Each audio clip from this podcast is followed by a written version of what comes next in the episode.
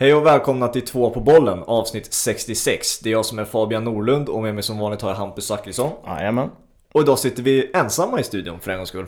Ja, kul att, kul att vara tillbaka. Och vad jag har räknat ut innan vi spelade in så var det faktiskt tre månader sedan vi satt bara du och jag i studion. Ja, varit ute på en eh, turné. Vi har inte suttit i den här studion när vi har haft eh, våra gästavsnitt. eh, Så att, är ute på turné runt om i Stockholm för det mesta. Så att, kul att vara tillbaks. Hyfsad turné ändå, måste man ju säga. Ja, tre månader absolut, verkligen. Och det blir en hel del avsnitt när vi kör ett i veckan. Ja. Och jag tänker vi bara plockar ner det som egentligen det som poppar upp i huvudet på oss. Eh, vi har haft en del fotboll som spelats och eh, jag antar att du som Liverpool-fan och AIK-fan mår hyfsat bra numera eftersom att det går hyfsat bra för dina lag numera. Ja men exakt, sportsligt mår man ju riktigt bra. Eh, AIK fotboll har ryckt upp sig, Liverpool fortsätter bara på den inslagna vägen eh, och eh, snart tar AIK Hockey vid. Så att, eh, det känns bra. När vi spelade in det här så var det dagen efter Tottenham och Chelsea-matchen. Eh, såg, du, såg du Carabao Cup-matchen? Ja, jag gjorde faktiskt det. Eh, har ju blivit som att eh, Carabao Cup har lite tagit Champions Leagues plats just nu med matcher i veckan. Så att man, har, man har fått titta på Carabao Cup helt enkelt. Vad tyckte du om Eric Dyers Jag tyckte var- skitiga moment? ja, exakt. Jag tyckte det var skönt att han eh, sprang eh, in i katakomben och inte upp på läktaren som han gjorde i någon annan match och skulle veva mot någon supporter. Eh, Men det var kul att se för att det där har man ju tänkt på liksom. Fan, det är klart att någon gång måste ju sånt ske. Mm. Och Dyer tog ruschen och Mourinho tätt, tätt efter liksom och skrek efter Eric där. Men eh, löste sig rätt bra för både Eric Dyer och Tottenham. Men det är ju ett fenomen som du säger som, alltså det inträffar ju. Jag vet att Sergio Ramos, alltså inom, alltså kan inom loppet av två år har sprungit ut två gånger och skitit liksom. Ja. Och sen kommit tillbaka fem minuter senare liksom. Det gick ändå extremt fort för Eric Dyer måste jag känna. Alltså, det, helvete. Så det var Gary Lineker skrev på Twitter. Ja exakt, han var lite besviken på att folk inte skiter på plan längre som han gjorde. I, med glimten i ögat. Är det såklart. det han, Gary Lineker är mest känd för?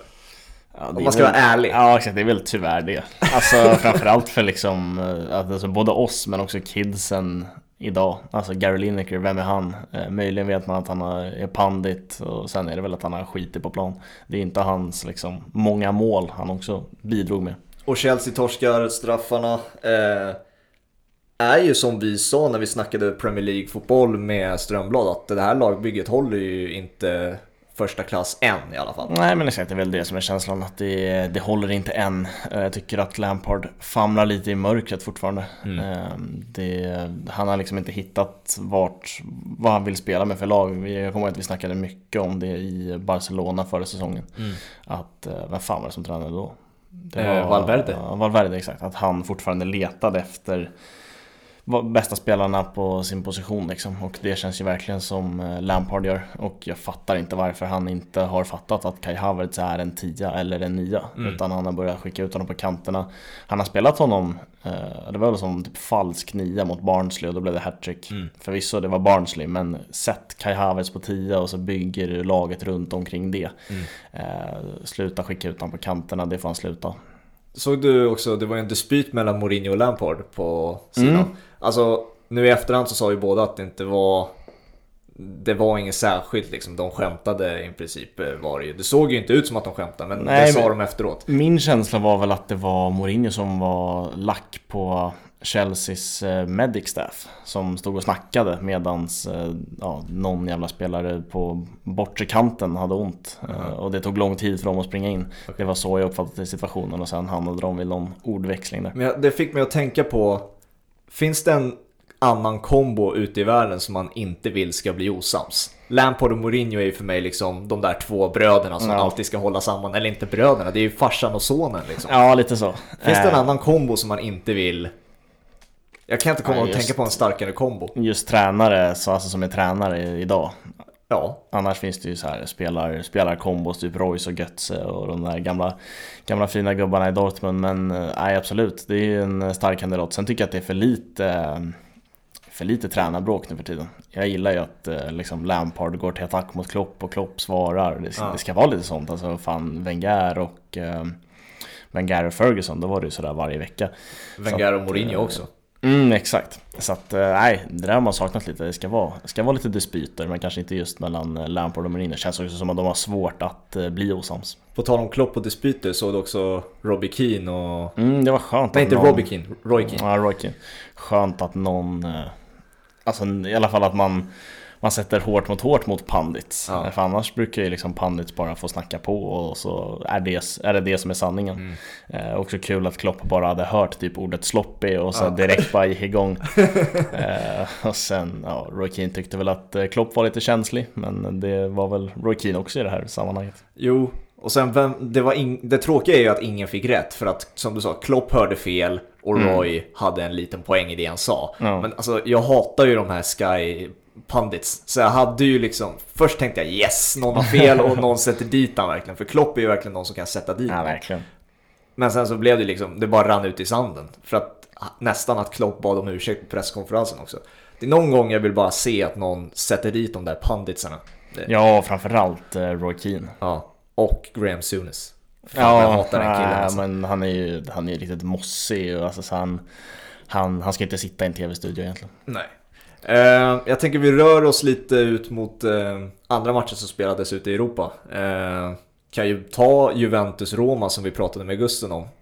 Eh, och jag backar väl det jag sa om Morata då. Ja, vi diskuterade ju inte så länge med Gusten om Morata-värvningen. Men det är, jag, jag får väl säga att han är den sämsta forwarden i topp eh, europeiska fotbollen. alltså helt ärligt, jag kan inte komma på någon annan som är sämre än honom. Nej, inte på den nivån. Det tror jag faktiskt inte. Alltså han spelar ändå i ett av världens bästa lag. Mm.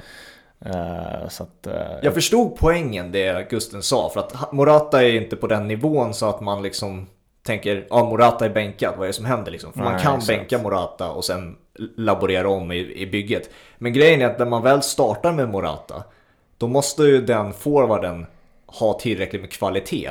Det är ju det bara, Morata är ju sämst. Det är, Ja. det, som är, det är det som hade funkat med Dzeko, för Dzeko ser man i alla fall nivåskillnad på. Ja, för jag tycker Dzeko hade varit en eh, match made in heaven för Juventus. Ja. Jag tror han hade funkat perfekt där. Nu Eh, missade han ju två skitbra lägen mot Juventus, men man ser ju också Ja, hur och- mycket bättre fotbollsspelare han. Exakt, det kommer ju Dzeko göra. Han är ju ingen 30, liksom 30 plus 25 plus målskytt. Eh, Men han har det där spelet som inte Morata besitter.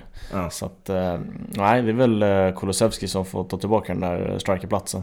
Eller Dybala ska väl komma tillbaka någon gång. Så Mm. att, eh, Jag gillade inte Dejan som eh, wingback dock. nej, han hade det kämpigt mot Roma faktiskt. Eh, Hade väl lekstuga någon gång sådär. Men Ja. så, så kommer det vara också. Han kommer inte vara, kommer inte vara dunder i alla matcher. Men eh, nej, wingback kändes inte som inte som hans grej om man ska komma till rätta i offensiven. Gjorde det jättebra, jättebra i defensiven men eh, offensivt fick han inte ut så mycket.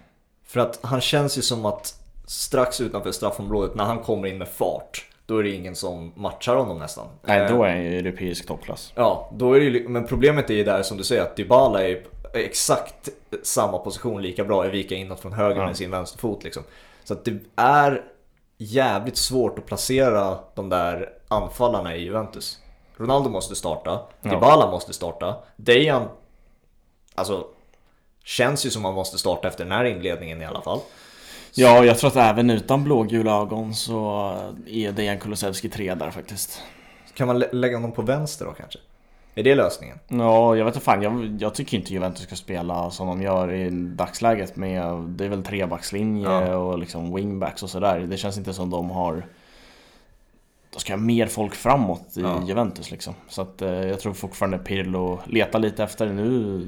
Man får väl liksom anta att det blir den här uppställningen med tanke på att han har börjat med den. Men jag tror att han fortfarande letar lite efter vad som är bäst eh, och hoppas att han hittar någonting annat. Jag skrev ju i chatten att eh, Rabiot också är helt värdelös. Och sen vem var det som spelade bredvid honom? Mac- McKin... Ja, McKin. McKin. McCain, vad heter han? Eh, Winston McKennie. Man. Amerikanaren från Alltså inte det mest glamorösa inne mitt fältet kan man ju inte säga direkt att det är. Men det, Nej. jag tycker det är så slående när Artur kommer in och man har en man utvisad, alltså Rabiot, minus Rabiot. Ja. Hur mycket bättre man såg ut. Jag tycker Artur var riktigt bra. Ja. Alltså han tog ju slitet bakåt. eh, Han, han är fin med bollen, det vet vi. Eh, Så att eh, han kommer nog ta den där platsen i Juventus så småningom, det tror jag. Och eh, vad kul att han såg så pigg ut. Ja men det är också han spelar ju på den positionen som Pirlo gjorde i sina äldre dagar. Ja. Alltså som släpande, lite som Paul Scholes och gjorde och Steven Gerrard. De Exakt. droppar in i mittfältet. Men han är ju så, han, därför tänker jag också att Pirlo borde ju gilla honom också. För ja. att han, alltså i i jämförelse med Rabiot, han, han får ju, varje touch är ju liksom bollen för långt ifrån sig med Rabiot liksom. Ja, Rabiot är en sån spelare. Han, han har höga toppar, han kan vara riktigt bra. Eh, Men för det mesta är han fan inte Juventus-nivå, tyvärr. Det här är alltså en snubbe, Rabiot alltså, som sa att han var för bra för PSG. Ja. Så, jä- så jävla hög är hans, liksom, hans ego är uppe bland molnen liksom. Han är så överskattad. Sen, har ju, sen är det ju slå, alltså Juventus är ju fortfarande på toppen i Italien definitivt och även Europa men alltså det, att deras mittfält har gått på typ 10 år från Marchisio, Vidal, Pogba, Pirlo till Ja. det de har idag. Ja. Eh, Det är ju ett eh, fall from grace eh, om något. En annan som man trodde var Fall from Grace då, det var ju Barcelona. Eh, man får säga vad man vill om Bartomeu och Coman, men alltså så som de såg ut mot Villarreal, det laget de spelade, det såg bra ut alltså. Jag gillade det jag såg. Mm.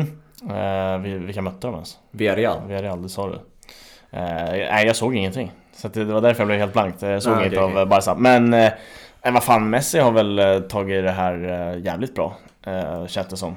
Han känns ju redo att köra igen. Eh, så eh, det, det imponerar. Eh, Coutinho startade, kul. Eh, om, han blir, om han blir kvar där, för att det är en gudabenådad fotbollsspelare. Ja, jag tror att han kommer bygga spelet runt Coutinho och Messi. Framförallt då såklart. Men jag tror Coutinho kommer få en huvudroll. Och det var lite... Det var en sån här rullande form- formation mellan Ansu Fati som var hur bra som helst, Ah, Coutinho och Messi. De tre rullar liksom bakom Griezmann. De så här, spelar ingen roll vilken kant de är på i princip. Alltså Fati är ju en eh, fruktansvärt bra talang alltså. Han kommer ju göra hur mycket mål som helst i det här Barca känns det som eh, om några år. Ja. Det är ju en eh, Bojan Kirkic typ som jag tror kommer också i rätt läge. För att när Ansu Fati kommer vara så bra så att Messi börjar känna hot Mm. Då kommer Messi falla av lite. Mm. Eh, Så att han kommer inte liksom drabbas av att eh, Messi flyttar på honom eller något sånt där. Så att Ansu Fati ser verkligen ut som the real deal och det tror jag att han är. Jag förstod inte hypen över honom när han väl kom. Alltså när han kom fram där som 16-åring. Nej. Han såg mest skraj ut tyckte jag. Mm. Och sen så hade han några, något fint mål han gjorde också och sånt där. Jag minns en nick han gjorde mot Osasuna borta eller vad det var. Det var helt sinnessjukt från en 16-åring. Men sen liksom så försvann han i matchen för han var fan 16. Han Ja, var ju, han var ju skraj liksom kändes det som. Och med, med all rätt. Men sen nu verkar det finns en sån självklarhet i sitt spel. Väldigt lik Dejan, alltså så här, om man jämför de två. Mm. Det är så här, beslutsfattandet vid den åldern som de ligger i, den ska inte vara så bra. Nej. Inte ens Mbappé, Messi och Ronaldo som kom, och Neymar, de kom ju fram vid den här åldern också. De, de tog mycket fler dåliga beslut under en match än vad de här gör. Ja, det är det jag tycker också avgör de här unga spelarna som spelar i offensiva positioner. Det är ju beslutsfattandet. Mm. Eh, Vinicius Junior är ju på såklart en hög nivå av talang, men det är beslutsfattandet han brister i. Ja. Ro- Rodrigo likadant.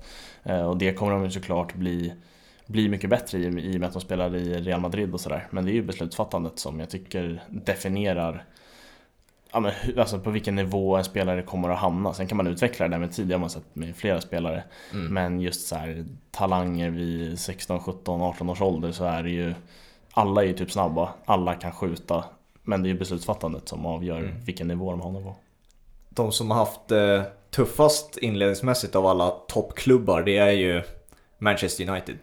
Kan, inte, kan vi ta dem också då tänker jag. Ja Eh, absolut Ole Gunnar Solskär är väl det som man måste inse nu är problemet lite i United. För nu har de en tillräckligt bra startelva också för att do- dominera matcher. Men shit vad de, alltså totalt överkörda mot Brighton. Eh, Crystal Palace blir de överkörda när det kommer till eh, målchanser och mål. Ja. Eh, Nej, men så här, En poäng var ju ett rån mot eh, Brighton och nu fick de tre ja. Eh, Så att det, det är också någonstans Det starkt av dem att ta tre poäng men det är också farligt att de gör det för att eh, de ska inte lura i sig att det här var en eh, insats tillräckligt bra för tre poäng. Eh, De var de var i stunder inte, inte med i matchen. Brighton har väl 4-5 eh, ramträffar. ja. Så att, nej, Brighton skulle ju ha haft tre poäng där och då hade krisen varit ännu djupare. I och med att de inte hade haft någon poäng på två matcher. Men sen jag tycker jag att det, är någonstans the circle of Manchester United där. Man börjar lite travande, trevande i ja, 10-12 omgångar. Sen börjar man hitta lite form. Eh, mot jul och efter jul så flyger man som aldrig förr. Mm. Och så kommer man fyra och Ole Gunnar sitter kvar. Jag tror inte, man kommer inte lyfta med Ole Gunnar Solskär. Men det finns ju också en circle of Solskär. Alltså de brukar ju vara så här, det brukar tendera till att han får lite dåliga resultat, sen kommer det riktigt dåliga resultat. Det är väl typ där vi är nu. Ja, och sen så kommer en match mot Liverpool eller Chelsea Exakt. där de vinner med 3-0. Och då bara, ja men Solskjaer, han kan stanna. Han tar ju alltid de där resultaten mot toppgängen som får får en jävla boost i laget. Ja. Också som, alltså, som gör att han dels blir kvar på jobbet men också att eh, laget börjar vinna matcher efter det. Mm. Så att eh, det är han extremt stark på. Stark på. Eh, sen tycker jag att Paul Pogba var otroligt svag i den här matchen. Mm. Och det var starkt och bra gjort av Ole Gunnar att plocka av honom så tidigt som han ändå gjorde. För att han blev också totalt uppkäkad, såg riktigt slö ut med bollen. Mm. Och det är väl, alltså, Paul Pogba är ju tyvärr en humörspelare. Det är sällan han lyfter i motvind. Eh, men han är fruktansvärt bra i medvind. Så att eh, sätter ett eh, stort frågetecken för Paul Pogba. Och det är ju liksom transferfönstret som snart stänger. Det är ju liksom där... Äntligen måste man säga. Ja, så är det ju. Men det är ju där United har varit som svagast på inledningen av säsongen måste man ändå säga. Trots att man har torskat ja, mot Crystal Palace liksom. Men bara Van de Beek är det ju som man har plockat in. Lindelöf nu får ju liksom vara symbolen för hur ändå svajig deras backlinje är. Tyvärr får man ändå säga det som svensk. Alltså shit vad mycket kritik han har fått de första ja, två matcherna. Ja, det är märklig, märklig kritik också kan jag tycka. Han får ju den kritiken endast för att Harry Maguire är engelsman ja, och kostar upp mot miljarden. Eh, annars är de ju lika dåliga båda två. Mm. Så att eh, det är synd att han får bära hundhuvudet och jag tror att tyvärr att han kommer fortsätta behöva göra det tills Erik Bailly antingen går sönder eller gör misstag. För ja. att Erik Bailly är fan ingen liksom mittback som kommer in och löser upp det där. Eh, han är ju otroligt både injury prone och misstagsbenägen. Så mm. att, eh, Nej, det är ju så, liksom, solklart en mittback som behövs förstärkas med. Mm. Men det är ju så som jag ser det. Alltså, Lindelöf tyvärr får ses som, alltså ses i England i alla fall och kanske av resten av Europa som liksom symbolen för att United behöver en ny back. Mm. Matic är den mittfältaren som får symbolisera att de behöver en ny defensiv mittfältare. Ja. Och sen hålet på högerkanten som just nu Mason Greenwood fyller upp. Det är liksom Jadon Sancho-hålet. Ja, och det tror jag är ett hål i, i framförallt i engelsk media endast för att han är ung. Mm. Hade han varit 22 eh, så hade det ju där varit eh, perfekta anfallet med Rashford, eh, Greenwood. Det här liksom älskandet av de eh, unga engelska spelarna är ju enormt i England. Sen tycker jag Mason Greenwood är en jättefin talang. Mm. Eh, men eh, det är sällan en engelsk spelare får bära hundhuvudet för att det går dåligt för ett lag. Mm. Men alltså det är ju bredden som saknas där också. Så är det verkligen. Vi, man kan ju titta på Liverpool nu som har breddats efter att ha varit ligans absolut bästa lag. Så har man breddat med Diego Jota, Diego Jota mm. och Thiago Alcantara och sen så vänsterbacken, vad fan han nu heter. Ja, Kostas Semikas och sen tycker jag att det kommer en del spelare underifrån som ser spännande ut som gör att eh, Liverpool kan nog tampas på liksom, både ligacupnivå och eh, Champions League-nivå mm. Eh, i år. Så att Liverpool har breddat imponerande och ser otroligt starka ut.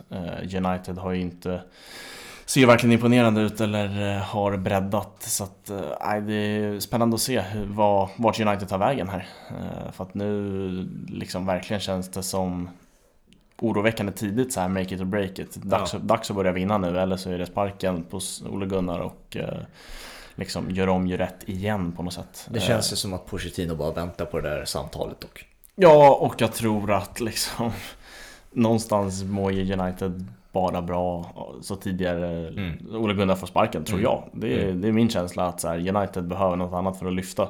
Och jag såg nu i dagarna att uh, Ainsley Maitland-Niles är så gott som klar för United. Ja. Vilket är helt sjukt. Ja. Uh, prislappen landar väl på 20-22 miljoner pund tror jag. Mm. Uh, vilket, uh, jag vet inte, det är svårt att lägga, lägga värderingar i prislappar nu för tiden. Det är liksom vad en spelare kostar Nej. med lite Premier League-rutin. Uh, men det är ju en spelare som inte har Liksom, han har inga, inga spetsegenskaper den killen. Men Absolut fyller... en, bra, en bra breddspelare. Han kan spela på flera positioner så det är väl det. Den fyller ingen funktion i Uniteds... Uh, han är en innermittfältare, vill spela högerytter, ha, kan spela ytterback. Jag tror att liksom, värvar de en till Nan så kommer han hamna på en vänsterback. Ja, och vad fan är det för värvning liksom? Ja, nej, men Ska exakt. han ersätta Luke Shaw då eller? Eller ska han vara Ja. backup till Luke Shaw? Ja, eller typ så här ersätta Luke Shaw och vara backup till Mason Greenwood. Men det är liksom, nej, det, går, det går ju inte Det går inte som utomstående se, se vad som är bra med den värvningen. Nej. Ska vi ta ditt lag då? Ehm, vi har ju diskuterat det du och jag eh, och jag har bett om tillåtelse, jag gör väl det on record också. Att jag ber om tillåtelse att få ändra min tippning av eh, årets Premier League-vinnare. Jag säger Liverpool nu efter två slash tre omgångar. Ja. Ehm, lite av olika faktorer. Ehm, först och främst är när jag tippade Manchester City så tittade jag på bredden som inte Liverpool ha, hade, nu har. Och framförallt Thiago-värvningen då som jag anser avgörande. Ja. Men som också så jävla trötta Manchester City ser ut och Alltså, symbo alltså det symboliserar ju bara hur jävla svajigt det är när Ruben Diaz får bli liksom deras 20 mittbacksvärvning under Ja. peptiden liksom. Och ja, det känns som bara som ett... Ju längre ifrån Pep kommer det där ursprungliga laget under Pellegrini med Yahya Touré, Agüero, David Silva, Company, ja alla snubbar som var där liksom. Ju längre ifrån han kommer det laget desto sämre verkar det bli.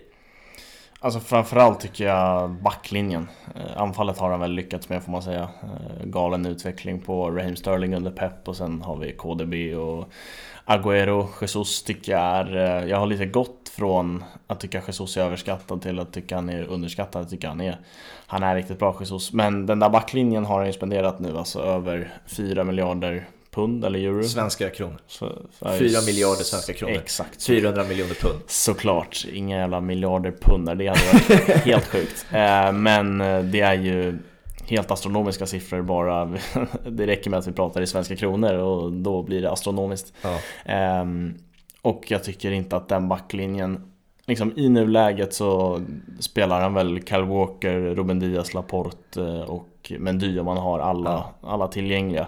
Det tycker jag inte är en backlinje som jag känner så här: wow, Nej. shit vilken backlinje. Dels för att Kyle Walker tycker jag har gått ner sig. Mm. Där tror jag att Cancelo liksom behöver ta över. Mm. Får väl se om det blir så, men jag tycker Cancelo är bättre. Eh, sen Ruben Diaz har jag liksom ingen aning om egentligen. Det är en Lindelöf-värvning. Ja, han blir alltid bäst i världen på Football Manager, men det säger ju ingenting. Nej. Eh, för liksom, det ska bli spännande att se för att det är ju en, liksom en benämnd talang. Mm. Eh, men det blir kul att se vad han kan uträtta. Laporte, riktigt bra. Liksom topp tre mittbackar i världen. Och sen Mendy tycker jag är en flopp. Ja, alltså efter korsbandsskadan han drog så... Ja. Så att den där backlinjen är ju inte tillräckligt bra för att man ska ha spenderat 4 miljarder på den. Och 6 miljarder på hela truppen. Ja, det är ja, otroliga summor. Det är sjukt i och för sig. Fyra av de sex svenska miljarderna, svenska miljarderna har alltså gått på en backlinje. Och går ut till 100 av 100 fotbollssupportrar och frågar, ja, går ut till 100 fotbollssupportrar och frågar vad, vad, liksom vad är Manchester Citys sämsta lagdel så svarar 100 stycken försvar, Ja. försvaret. Eh, Så det, är, det är ett otroligt underbetyg till eh, Pep och hela liksom den sportsliga ledningen i Manchester City att man har lyckats få tag i den backlinjen för 4 miljarder. Men det sätter ju saker också lite i perspektiv. För när man snackar om de här miljardsummorna, då är det ju alltid en ytter eller en anfallare. Liksom, eller Kai Havertz i det här, i det här fallet Ja, som är en tia liksom. Nu är det backlinje som det har satsats så många miljarder på. Det är, det är ju ingenting vi har sett tidigare, men alltså det, att det misslyckas så, alltså så otroligt hårt också. Ah, ja. Det är ju... Jag vet inte riktigt vad man kan lägga till med det. det jag antar vi kan diskutera pepp lite också då. Ehm, ser ner ut, är nog nere. Eh, många rapporterar om att det har mycket att göra med att hans mamma gick bort i coronaviruset för x antal månader sedan nu. Han har haft några månader att eh, grubbla över det liksom. Det var i april tror jag det var. Och nu eh, sen efter Champions League-uttåget mot Lyon och sen nu den här inledningen på säsongen. Det får väl symbolisera lite hur han kanske omotiverad han är liksom. Det, det är väl en naturlig liten naturlig konsekvens av att någon kanske familjemedlem dör också. Man kan Ja. tänka själv liksom en familjemedlem dör, då tänker man ju liksom på många andra saker än vad fo- fotboll är ju inte så viktigt liksom.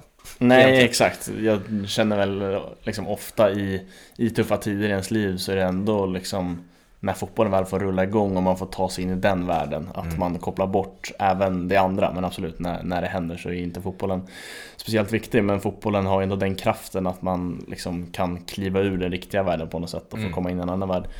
Så att jag hoppas att Pep finner styrkan i fotbollen eh, och hittar tillbaka eh, om han nu är omotiverad, eh, vilket han verkar se ut. Så att det hoppas jag att han, han gör. Sen liksom hela Manchester City kändes rätt omotiverade i den här matchen mot Leicester. Mm. De det liksom fick rinna iväg. Vad blev det till slut? 5-2, 5-3. Ja. Så att Nej, märklig match och när jag satt och liksom såg hur målen plingade in så kände jag liksom att Liverpool Liverpool gör inte det där. De, de kan inte släppa in fem mål på hemmaplan.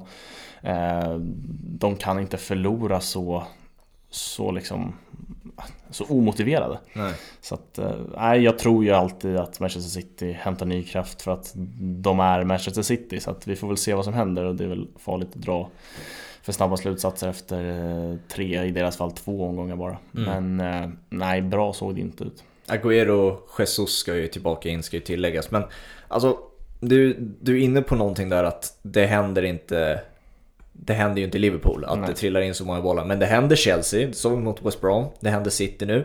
Det händer United, det såg vi mot Crystal Palace. Och Brighton kunde ja. lika gärna ha gjort det. Ja, Tottenham ser kanske mest stabilast ut tillsammans med Arsenal av topp 6-lagen. Eh, tillsammans med Liverpool då såklart. Ja, och det är inte de, Tottenham och Arsenal är inte de som ska hota om titeln. Nej, de har inte laget, liksom, de har inte spetsen och bredden för det. Så att, nej, jag tyckte Kalle Karlsson skrev det bra i eh, en krönika i Sportbladet efter Liverpools 3-1 eh, vinst mot Arsenal att de är en ocean för alla andra lag. Mm. Just för att liksom, de, de vet inte hur man faller igenom fullständigt. Liksom, ja, man kan argumentera för att vi gjorde det mot Watford, absolut. 0-3 förlust och sen direkt reser man sig igen. Eh, men de andra lagen har, har det där i sig att klappa, klappa ihop och torska oväntat. Men Liverpool har inte det just nu och det är en galen utveckling Jürgen Klopp har fått på det här laget.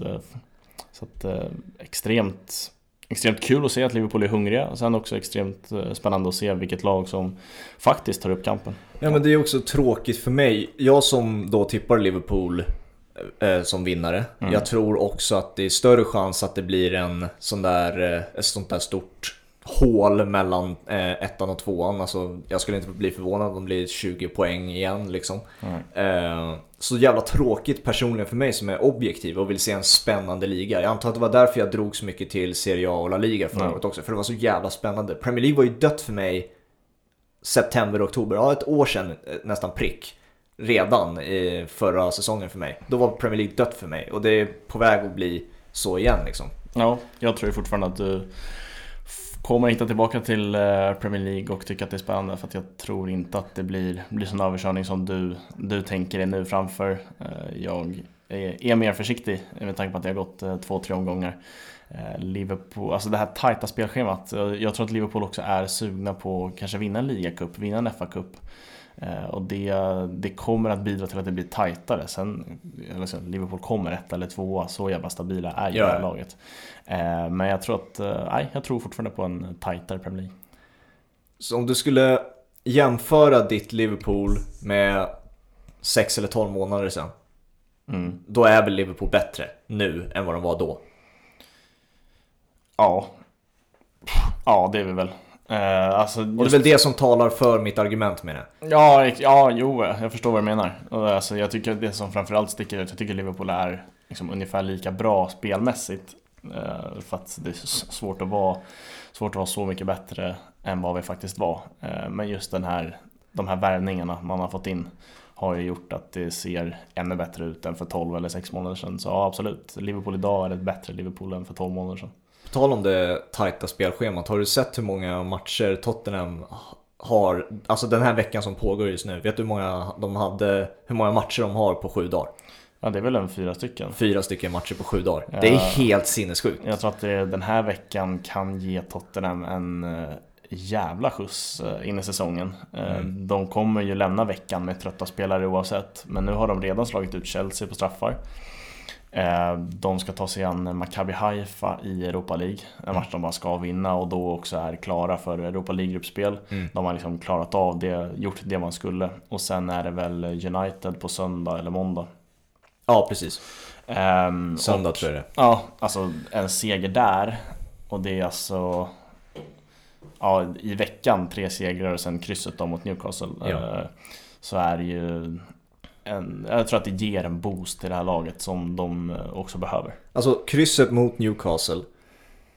Jag tänker vi kan avsluta. Alltså jag, jag tror inte ens Mourinho, Mourinho gick in till matchen, han sa typ ah, nice guys, three points, 1-0, victory. Alltså det Ja. var typ så här, jag tror att i alla fall det är den känslan han vill förmedla till grabbarna liksom, att det här var, det här var ingen 1-1 match. Nej, nej men vi kan ju ta hans eh, regeln och hans situationen eh, strax efter det jag tänkte diskutera.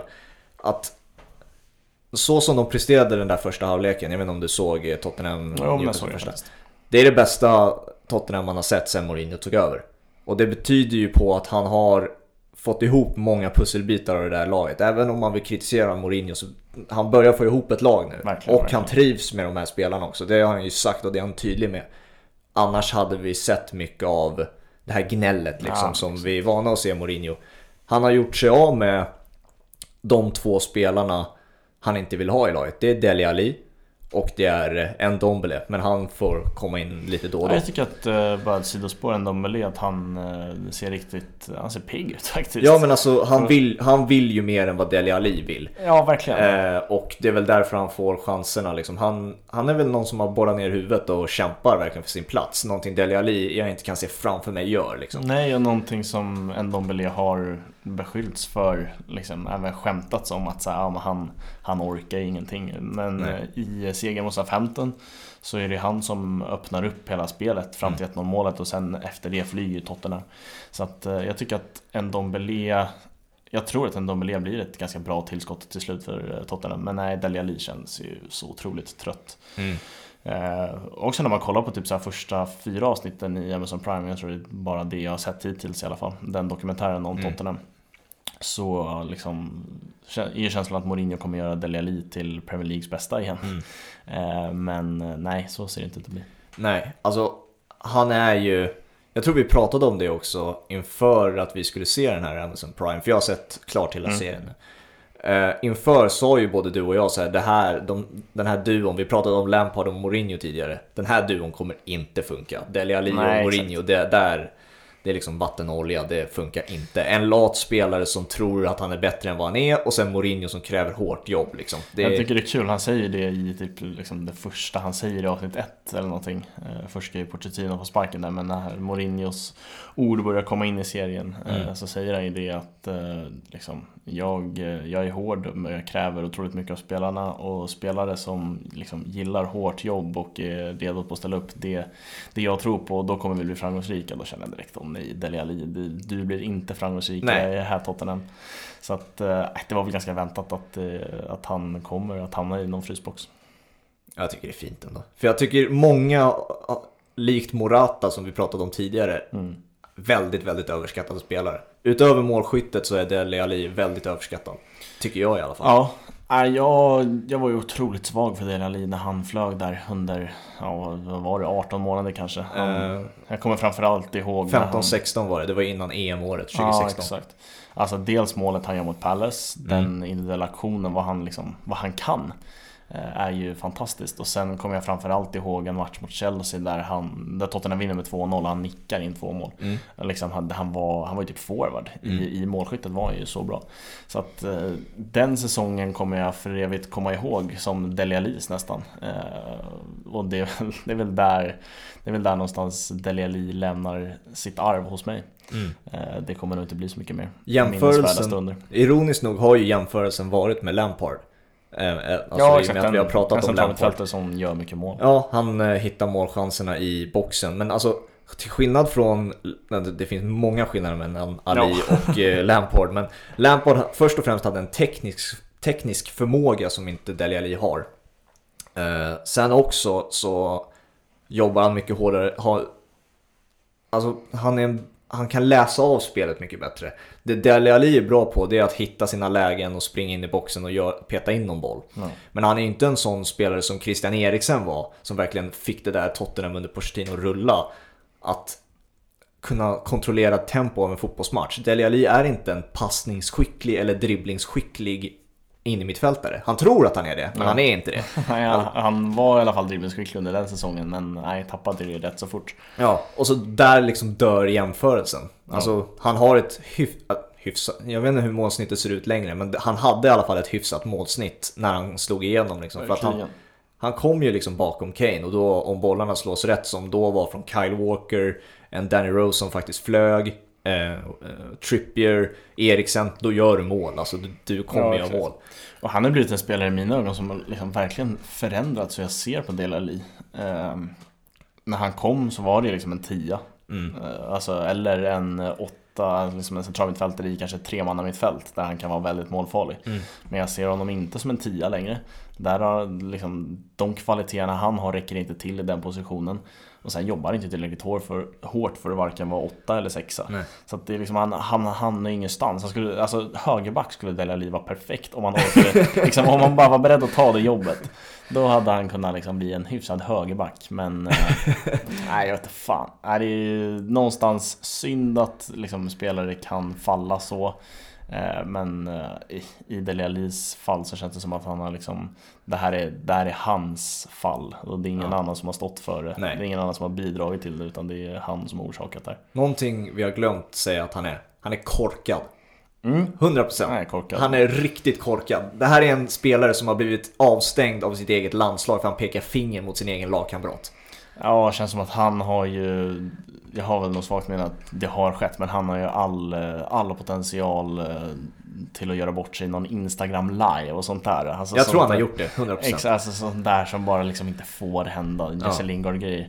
Han hade väl någon liksom eh, porrvideo som Ja, jag läckte tror, ut. jag tror det finns skit. något sånt där som jag har sett någon bild någonstans och sen vet man ju inte om den är Alltså photoshoppad eller inte. Nej, men men jag har ja. sett en bild i alla fall som inte är charmig. Nej, den säga. är inte charmig. Så att, eh, nej, Dele Alli är inte den smartaste hästen på Solvalla, så är det. Sen så tror jag att han var väl en av de första under Corona också som kom, sa, skämtade om det typ. Jag tror att ja men det här dödar, dödar folk ja, men liksom, det är- där. Så jag jävla pantad. Jag, alltså någonting jag vill diskutera med Robin eh, Dronsfield i, från Ledley Kings knä som lär bli inom några veckor i alla fall. Mm. Vi lär väl diskutera mycket Amazon. Men jag tänkte vi kunde ta en annan korkad människa. Danny Rose. Ja, han har väl någon beröm, något berömt snack där med Mourinho. Ja. Eh, Har du, du har nej, inte sett det inte fortfarande? sett det faktiskt. Eh, för de som inte har sett det och inte vill höra så... Nej, ni ska inte hålla för öronen. Lyssna Nej, fortsätt ja. lyssna. Ehm, han, han, det han gör är att han går in i, omk- inte omklädningsrummet, utan Mourinhos kontor. Det här är några veckor in sen alltså Mourinho tog över. Ja. Och så frågar han, vad är, vad är ditt problem? Vad är problemet? här, inte det du säger till en tränare som Nej. du vill liksom han har liksom blivit petad kanske två, tre matcher Ja, och så ska vi berätta. Alltså jag som fotbollsspelare går in och bara Vad ska jag förbättra? Det här är jag bra på. Varför får jag inte mer chanser? Eller något sånt där. Danny Rose kommer in och bara Hörru, vad är ditt problem? Liksom, där skär det sig direkt. Där, där, där kommer det... Ja, där är det över. och sen så vet jag, det är inte med i Amazon eh, dokumentären, men han var ju en av dem som sa när det var så många sköterskor och sånt där i England som dog för att de var ju och hjälpte till under när Mm. pandemin var som värst. Då var ju, då var han ju ute och sa att fotbollsspelare var som försökskaniner samtidigt som de var under lockdown. Alltså i sina Ja, i sina mansions liksom. Ja. Satt han och chillade och, Och- sa liksom att ja, vi är försökskaniner och så. Och liksom inför den här återupptagande säsongen så var det väl också liksom det där snacket att försöksrutiner bara så här, nej, ni har liksom, det är hur många test som helst.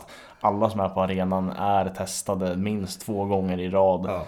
Eh, ja, vad fan blir det? Det är ju fel håll när det är så här tester, medicinska tester. Man är testad negativt. Ja. Ja, exakt. Det blir ju fel för att det är ju Ja, positivt att man testar negativt. Eh, så att så här, det känns ju extremt eh, riskfritt för fotbollsspelare att spela fotboll och det var väl Danny Rose inte riktigt med på. Elitidrottare, jag tror det är många som inte kopplar det här riktigt. Det är elitidrottare som håller på just nu, det är liksom det mest safe du kan vara. Ja. Alltså MMA-fighters till exempel, bara, men de sit, håller på att kramas och sånt där. Alltså, liksom. ja. De testas, liksom, de åker först och främst till en stad eller en ö som är helt under lockdown utöver att de eh, har MMA-fighter och sen testas de och sen åker de därifrån in och så testas de där när de har lämnat området också.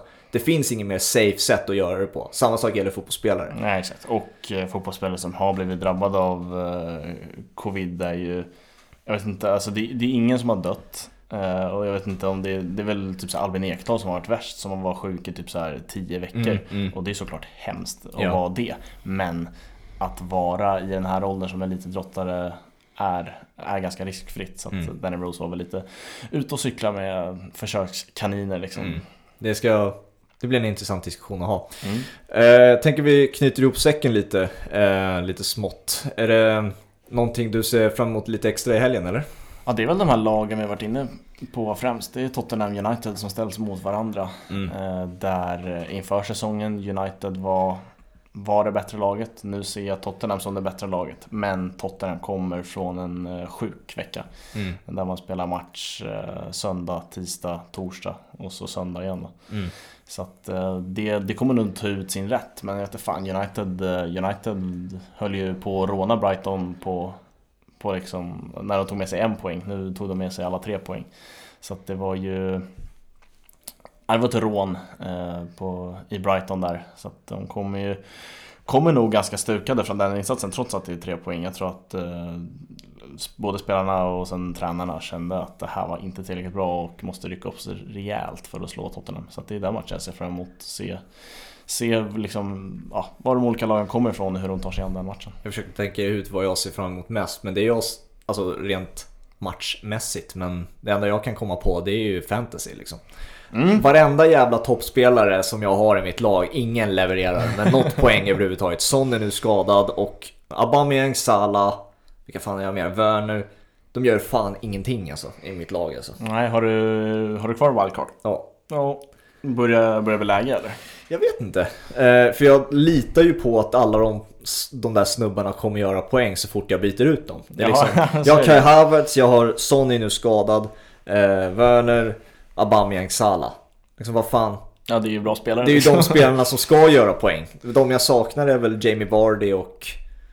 Vad fan saknar jag? Ja, alltså den... Kane kanske och... Ka- Ja, eh, Calvert Lewin har jag fått otrolig jackpot på, haft med från start så det har varit sjukt skönt. Men det har ju varit, eh, det har varit tre omgångar av FPL som inte riktigt ser lika vad det brukar vara. Alltså, det har ju varit eh, sjukt mycket mål. Mm. Backlinjen är jag aldrig nöjd med egentligen. För det är ingen som håller nollan. Nej. Kanske någon som har gjort assist och sen är det någon som har dragit på sig typ rött kort för någon hands som man inte fattar var fan den kommer ifrån. nej, nej. Eh, så det har ju varit, eh, det har varit stökigt och svårt att hitta rätt i den här fantasyomgången. Jag satt med kaptensbindeln på Havertz här och tänkte att fan, Chelsea borde ju fly ordentligt mot Bromwich och göra kanske 3-4. Nu gjorde de ju det, men de gjorde det i ett läge där de var tvungna att hämta upp så de sket ju vem som gjorde mål. Det var ju Mason Mount som tog skott från 30 meter. yeah. Eh, så den matchen blev inte alls som man hade tänkt sig. Fick i alla fall en assist därifrån. Men eh, otroligt mycket mål görs. Ja. Eh, och otroligt mycket straffar. Nu eh, är det uppe, tapet, uppe på tapeten att man ska ändra den där eh, hans eh, grejen. ja, ska vi avsluta med några korta summeringar kring hans regeln? Ja, den är hemsk alltså. Man har ju i alla tider egentligen längtat efter när hans regeln blir tydlig och lätt att förstå. Mm. Det är den nu, Mm. men den är sämst. Den är värdelös. Den är värdelös. Men du fick ju någon, eh, jag tror det var, var det Robin? Ja, Robin Bylund som eh, skrev till mig för att jag, jag kände själv och det har i efterhand blivit en av de där straffarna som tydligen nu med den nya förändringen, jag vet inte hur den nya förändringen blir Men det ska tydligen vara straff som inte blir straff och det var ju Joel Ward som drog på sig den mot Everton Mhm. För då kände jag bara så här, ja absolut, bollen tar på handen Mm. Är det bollen som söker handen eller handen som söker bollen? Det är bollen som söker handen alla dagar i veckan det har ju I varit det en- läget är det så. Exakt. Och det har varit en parameter man har tänkt på förut. Och sen naturlig position, ja armen hänger efter kroppen liksom, kanske Mm. lite utanför. Och det är det som leder till att det blir straff. Men då skrev jag det att så här, jag har ingen jävla aning om vad som gäller. Eh, men då ryckte ju Robin in till, eh, till min hjälp där och skrev den nya regeln, eh, vilket är att är, gör man sig större med armen och den tar på armen och liksom stoppar boll, bollbanan så är det straff oavsett vad. Så egentligen direkt översatt så måste du ha händerna bakom ryggen för att det inte ska bli hands. Exakt, så jag kommer ihåg en intervju i, i Tutto med Stefan Johannesson, svenska domaren. Mm. Där Gusten just tog upp det att så här, eh, försvarsspelare som kör armarna bakom ryggen Det är ju inte speciellt naturligt så det behöver man egentligen inte ha Nej. Och då sa han nej det behöver man inte ha för det är inte naturligt Men nu är det ju Nu det verkligen så. så, alltså, det du, 100% du så. måste gömma dina armar annars är det ju straff direkt Jag kommer ihåg eh, Jamie Carragher slaktade ju Hector Bellerin. För han kom ju från den spanska kulturen mycket att eh, om den, just att den, om den tar på handen var som helst i straffområdet är det ju straff. I Spanien har de varit väldigt så här, stränga med handsregeln ju.